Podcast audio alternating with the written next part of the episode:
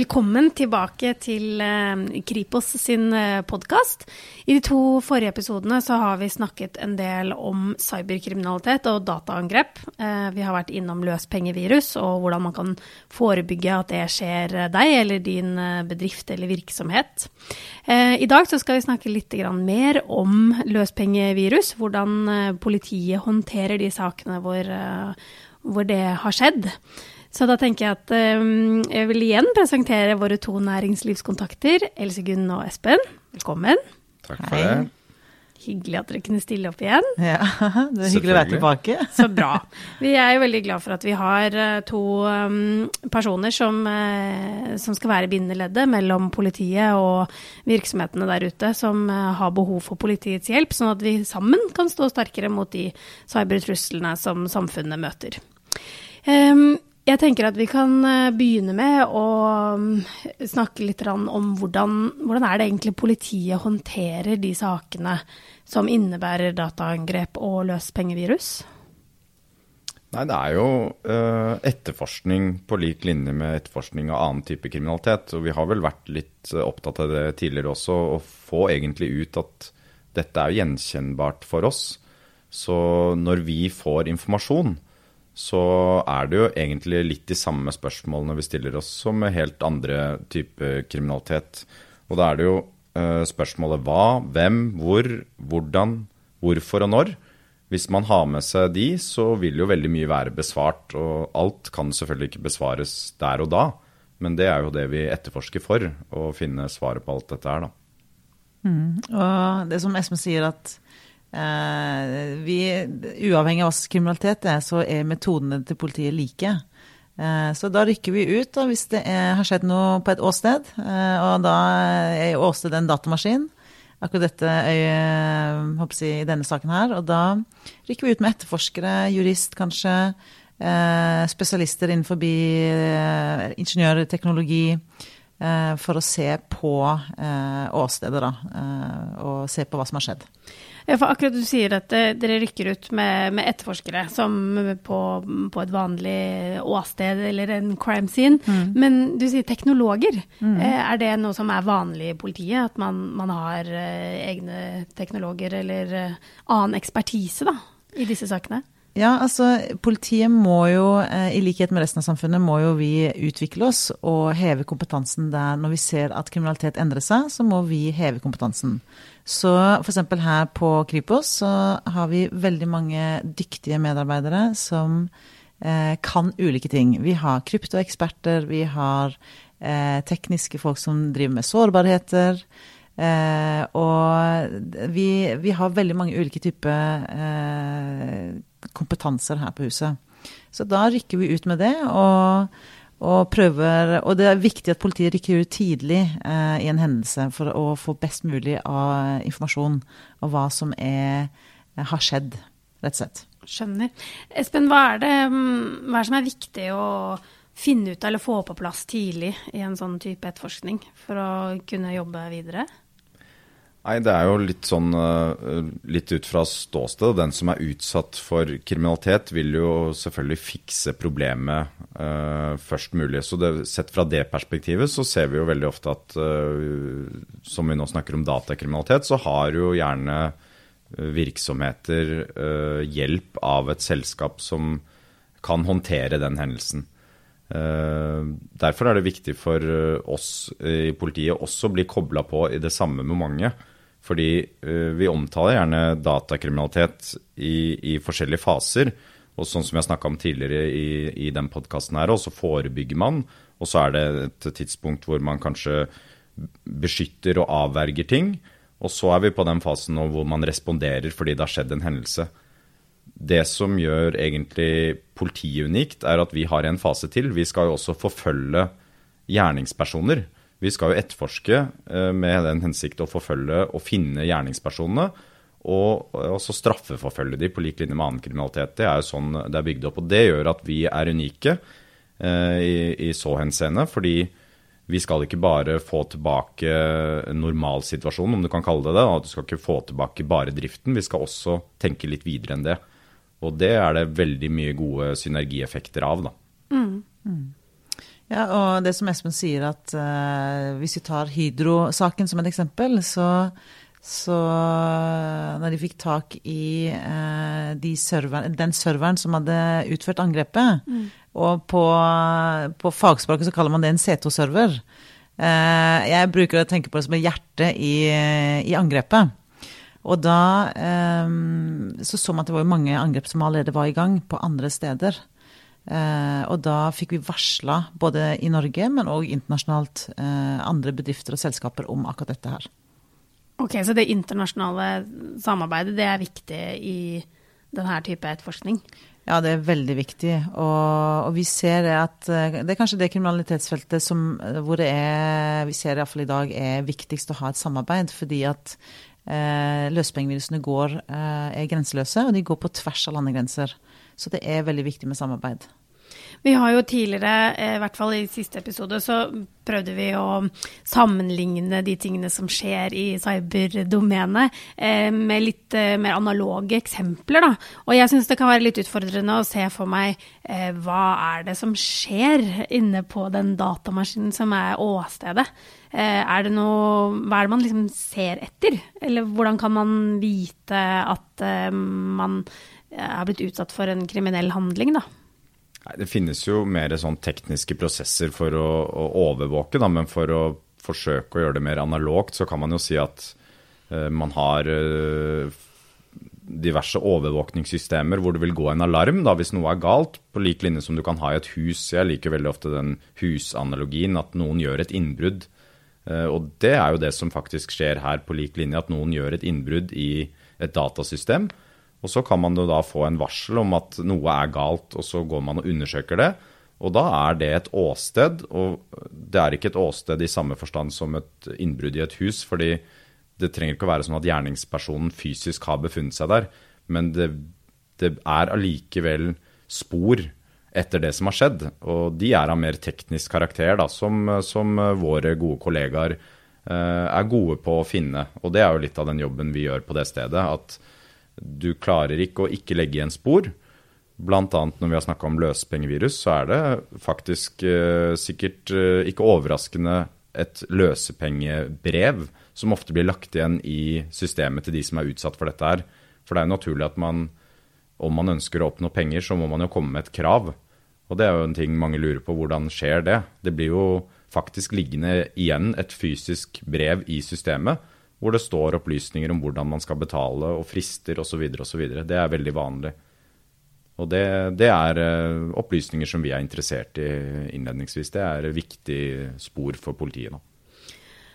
Ja, fordi når skaden allerede har skjedd, da, eller man har blitt utsatt for dette innbruddet og den straffbare handlingen som dette datainngrepet egentlig er, eh, så kan jeg jo se for meg at man kan bli ganske stressa. Men hvem hvilke konsekvenser er det denne type angrep kan føre til? Ja, Det som vi har snakka litt om før, og det er eh, Hvis man ser på bedriftsnivå, så er det jo veldig store økonomiske konsekvenser. Og eh, f.eks. Hydro-saken, der måtte de faktisk gå over til fysisk drift. De måtte gå, eh, når, når, de ansatte kom på jobb, så hang det en lapp på døra hvor det sto at Hydro var under angrep. og så Eh, og da, de, da, er jo, da, er det 40 000 ansatte som ikke kan jobbe på den PC-en. Eh, og man kan jo bare tenke seg hva slags konsekvenser det har for eh, Hydro sin drift. Men på personnivå, det, det treffer også enkeltindividene. Fordi at de fleste bedrifter, de fleste selskap sitter på ekstremt mye personinformasjon om oss mennesker. Eh, og veldig mange ganger i de løsepengevirusene så kommer det krav eh, om løsepenger, og hvis ikke det blir betalt, så kommer ulike ting til å skje. Det kommer til å få ulike konsekvenser. Uh, hvorav en av konsekvensene som vi ofte ser, er at uh, de truer med å slippe all personinformasjon på nettet. Så det blir liggende på darknet, som de kaller det. Eh, så det er svært ubehagelig. Og det er vel kanskje det jeg føler på når, når, i forhold til den jobben vi gjør nå, at det å vite at eh, potensielt hele verden kan eh, ha masse informasjon om meg, det er ubehagelig. Mm. Sånn at eh, den eh, konsekvensen dataangrepet kan få, det vil ikke bare handle om penger, på en måte, men, men også at sensitiv informasjon og sensitiv data kan komme på avveie, da. Mm. Ja. Og det er, det, det er kanskje det som gjør at uh, det, Jeg så en uh, Oljefondets direktør, Nicolai Tangen, han uttalte i Financial Times nå nylig at for oljefondet så, så var cyberkriminalitet verre konsekvens og noe de hadde som førsteprioritet enn svingninger i markedet. Uh, og det er ganske interessant, fordi at uh, oljefondet lever jo av svingninger i markedet. Mm. Så når cyber uh, av han blir uh, putta som førsteprioritet, så, så viser det hva slags konsekvenser det kan få. Opplever dere at de norske bedriftene og virksomhetene har dette her fremme i pannebrasken, på en måte? At dette her er noe som folk er bekymra for? Ja, absolutt. Og vi er, vi er, jo kommet mye lenger, tror jeg. Og nå er jo også vi litt nye på, i dette domenet. Men det er helt åpenbart Man har snakket lenge om at dette må inn på styrerommet, altså der hvor beslutninger tas, og det må gå som en del av, som vi har snakka om tidligere, og sikkerhetskulturen. Det er jo ikke sånn at du kan drive med det digitale på siden av alt det andre du driver med. Det må implementeres i hele bedriften, men vi opplever at det har kommet mye mer på agendaen. Vi ser at det finnes Det gjøres jo en del undersøkelser som er av den karakteren som Else Gunn nevner, hva folk bekymrer seg for i fremtiden. Og da er det jo dette her nærmest sånn cybertrollet som folk er veldig redd for, uten at vi sliter kanskje litt med å konkretisere det noen ganger. Men jeg syns jo det er litt betegnende å se til USA, hvor man har valgt å prioritere etterforskning av cyberkriminalitet på lik linje med terrorisme. Mm. Det sier jo en del. For terrorisme er jo en, en, kriminalitetsform og kanskje aller mest en trussel som vi har blitt vant til å forholde oss til. Selv om det er en, en veldig vanskelig ting å forholde seg til. Men det er også dette. Så det handler om å på en måte få det på rett nivå for å sette inn de rette tiltakene, og der tror jeg vi er langt på vei. Jeg tenker jo at uh, akkurat dette her er jo ganske nytt for veldig mange. Både for storsamfunnet, men også for bedriftene og virksomhetene som blir utsatt for dataangrep. Og vi er veldig opptatt av at folk skal varsle oss, og varsle oss tidlig, fordi vi vil inn i etterforskningen og, og få sikret de sporene, som, som Espen nevnte i stad. Um, men jeg lurer litt på hvorfor skal jeg velge å melde Hvorfor skal jeg koble på politiet? Altså kan, kan man man noen eksempler på at det har lønt seg, og at det faktisk har fått et, et godt utfall? da? Ja, altså Det viktigste tror jeg er at vi alle ser at dette er et samfunnsproblem eh, som rammer hele eh, landet. Eh, både på individnivå og på mer samfunnsnivå. Og politiet må iallfall bare erkjenne at vi trenger hjelp fra alle for å kunne jobbe med datakriminalitet. Så når vi kommer inn i saker hvor f.eks. en bedrift har blitt hacka, eller fått et løsepengevirus, så eh, må vi jobbe sammen for å eh, liksom nå målet, da. Så jeg tror kanskje det at eh, det må ha en samfunnsverdi, og det å ta et samfunnsansvar på dette, denne biten her, er veldig, veldig viktig. Ja, så tror jeg også det er viktig å si at uh, jeg tror nok veldig mange, når det, en sånn type hendelse oppstår, så føler man seg kanskje litt alene. Fordi man føler at dette er veldig personlig, veldig retta enten mot din bedrift eller deg personlig. Men så ser vi at det ikke nødvendigvis er sånn. Den kriminaliteten her er det vi kaller litt opportunistisk. Man går dit man har mulighet for å tjene penger. Og det å varsle politiet tror jeg vil kunne skape en trygghet, fordi veldig ofte ser vi at du er ikke det eneste offeret her. Så det er flere sammen. Og da kommer det internasjonale samarbeidet inn. Som jeg er veldig sånn Jeg er veldig positivt overraska over hvor mye relevans det har. Selv om Norge er et lite land helt på toppen av Europa, så er vi, som vi har sagt tidligere, vi er langt fremme i digitalisering. Og saken kan i og for seg være liten, sånn helt isolert sett. Men det kan være f.eks. spor, Eh, modus, sånne type ting som vi får inn her, og som vi deler med våre internasjonale samarbeidspartnere, som kan være det lille brikken i et puslespill som får alle dominobrikkene til å falle. Og det er viktig å ha med seg inni der, at du er ikke nødvendigvis helt alene i det. Og at ved at du kommer til politiet, så kan vi si at dette har vi hørt om før, f.eks. Vi vet hva som vil skje eh, i neste steg. Vi vet hva du skal gjøre for å beskytte deg videre. det, jeg tror det vil kunne gi en trygghet da, å gå til politiet, fordi da, da føler man seg kanskje ikke så alene. Dette er ikke noe du må stå og håndtere alene. Jeg skjønner. Men den uh, Hydro-saken er jo blitt nevnt. Vi har jo tidligere laget noen episoder om selve etterforskningen i saken. Um, men jeg lurer på litt avslutningsvis da, om det har vært noen oppdateringer i den saken som Har, vi lært noe av den som, uh, som, vi kan dele? Ja, vi har lært veldig mye. Vi har lært veldig mye om hvordan dette fungerer. Uh, jeg har sagt tidligere, og jeg vil jo litt bort fra den derre at det sitter en person i hettegenser og koder foran en eh, datamaskin i et sånt bomberom. Det er fysiske mennesker som står bak. Vi har, eh, en, vi har avdekka identiteten.